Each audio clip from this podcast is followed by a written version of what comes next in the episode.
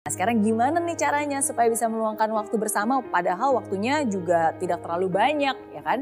Oke, nah uh, the key is this. Apa yang bisa kita lakukan untuk selalu berpikir positif ketika dalam sebuah hubungan sudah tidak ada rasa saling peduli satu sama lain. Bagaimana cara menjaga cinta atau hubungan jarak jauh agar tidak bosan? Supaya dia selalu perhatian dan merindukan kita terus. Apa yang harus kita lakukan? Oke, okay, next questions. Pertanyaan berikutnya dari at ram underscore ariga. Selamat malam Miss Mary, saya pengagum berat kamu. Wah, terima kasih. Dan saya mau bertanya, apa yang bisa kita lakukan untuk selalu berpikir positif ketika dalam sebuah hubungan sudah tidak ada rasa saling peduli satu sama lain dan mementingkan diri sendiri? Wah, Apakah menurut Miss Mary sebuah hubungan keluarga itu akan bisa bertahan jika rasa itu sudah tidak ada? Dan apa yang akan saya lakukan ketika keadaan itu menyangkut emosional atau kejiwaan kita sendiri? Karena pada dasarnya setiap orang pasti ingin kehidupan yang baik dan harmonis. Terima kasih. Wow, hai uh, Ram. Aku saya panggilnya Ram atau Ariga nih. Oke, okay, hai Ram. Thank you buat pertanyaannya ya. Wow, banyak nih pertanyaannya. Oke, okay, um, Oke, okay, mungkin dari pengalaman saya dan dari pemikiran saya, semoga ini bisa bermanfaat. Um, ketika suatu hubungan sudah tidak ada rasa dan saling peduli satu sama lain dan mementingkan diri sendiri, tentu saja um, pasti tidak menyenangkan ya.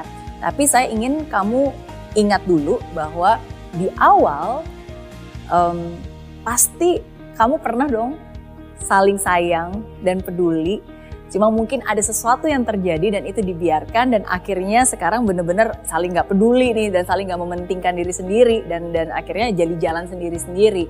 Oke, nah jadi saya selalu kasih analogi sama seperti uh, kalau sesuatu hal yang baik itu pasti dirawat ya, sama seperti kuku.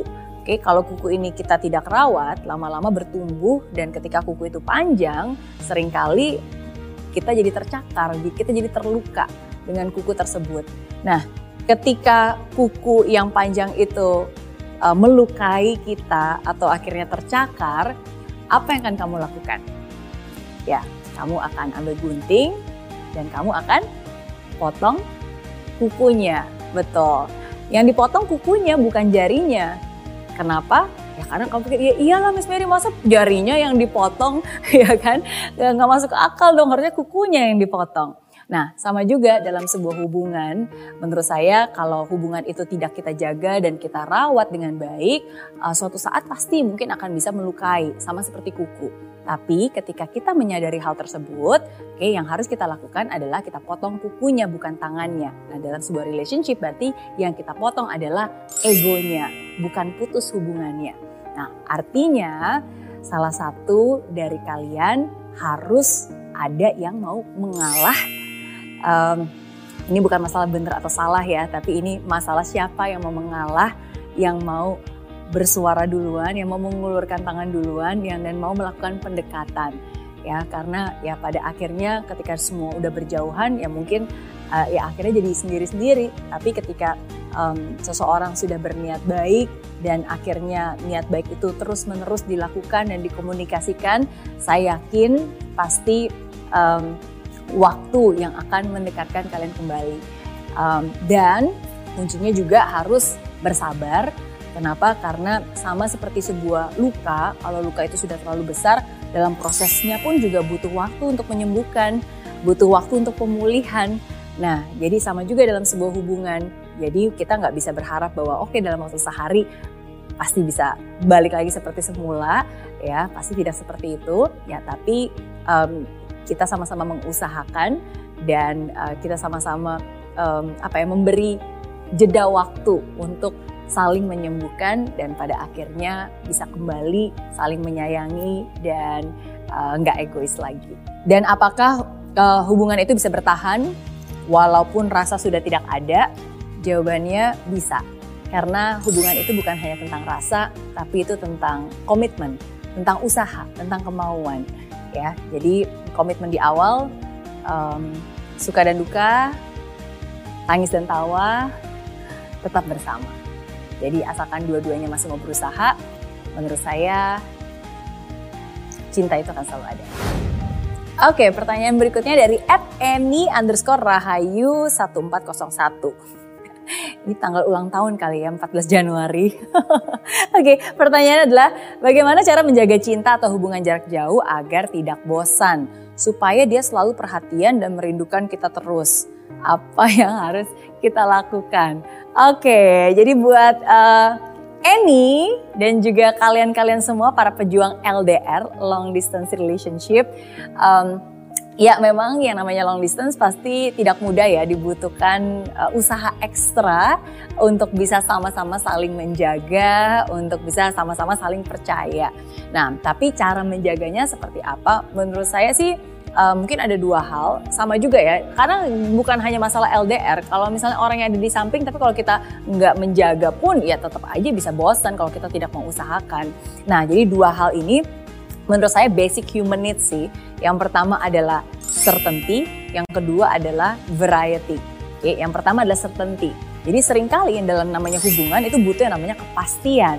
Nah, jadi caranya supaya tidak bosan berarti harus membuat yang namanya uh, ritual ya, sebuah kepastian, uh, sebuah hal-hal uh, yang memang selalu konsisten kalian lakukan terus-menerus. Nah, jadi contohnya nih kalau misalnya saya dan dan suami saya ya setidaknya mungkin setiap seminggu sekali setiap hari Sabtu kita pasti akan uh, nonton Netflix bareng. Atau setiap hari Jumat kita pasti akan uh, dinner bareng gitu. Dan selalu di jam yang sama dan selalu melakukan ritual yang sama. Oke, nah jadi uh, itu ya, jadi butuh butuh uh, rutinitas uh, butuh kepastian sesuatu hal yang bisa kita nanti-nanti. Wah nunggu-nunggu hari uh, Jumat nih supaya kita bisa dinner bareng atau enggak nunggu-nunggu hari uh, Sabtu nih supaya kita bisa nonton Netflix bareng. Oke, jadi sesuatu yang ditunggu.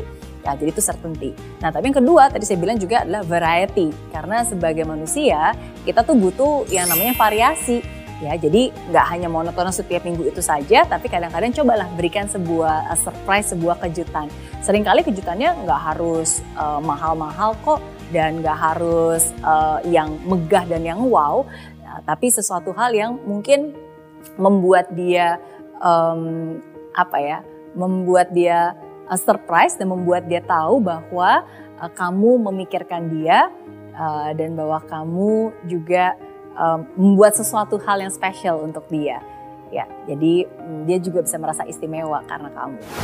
Oke, pertanyaan berikutnya dari Ed Giovanni Vicky. Hai Gio. Oke, saya pernah lihat postingan Miss Mary bersama suami dengan caption yang isinya that Miss Mary will always say yes to him. Miss Mary pastinya sibuk dan mungkin eh, nggak uh, terlalu banyak waktu untuk bertemu dan berkomunikasi intensif dengan family.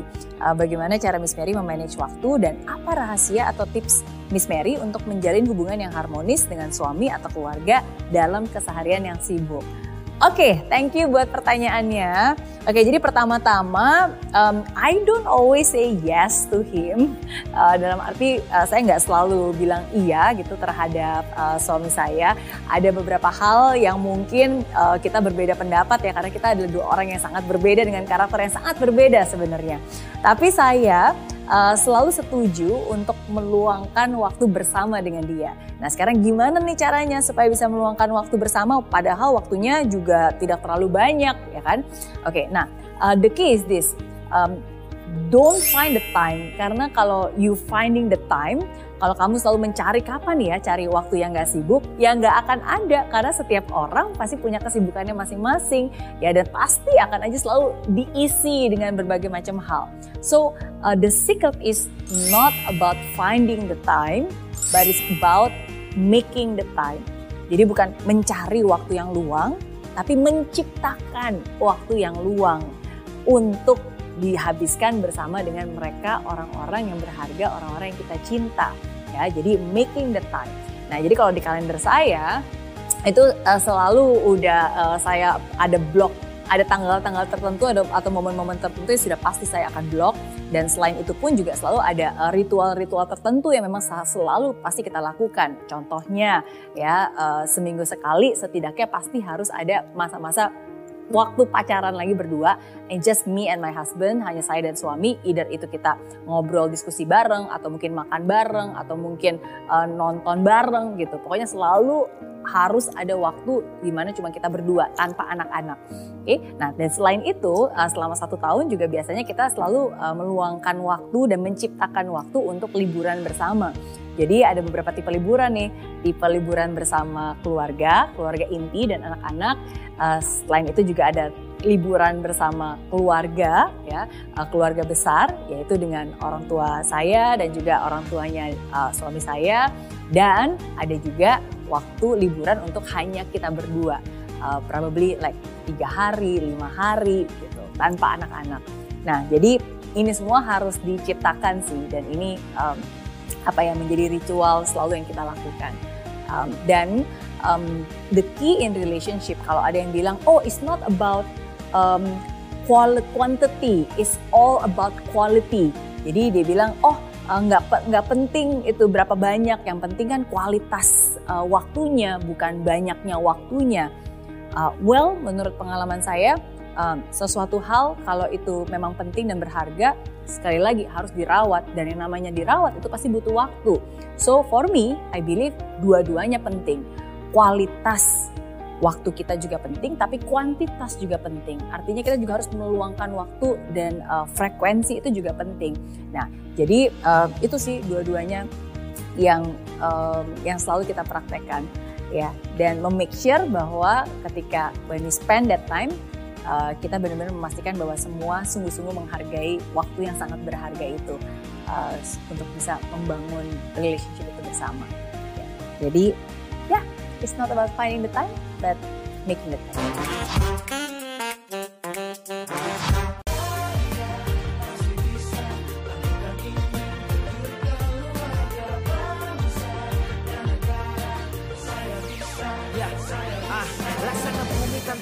Hujan Hidup tanpa tujuan Kering dan mati tanpa hijaunya tumbuhan ah. Demikian kalau mimpi tak kunjung terjadi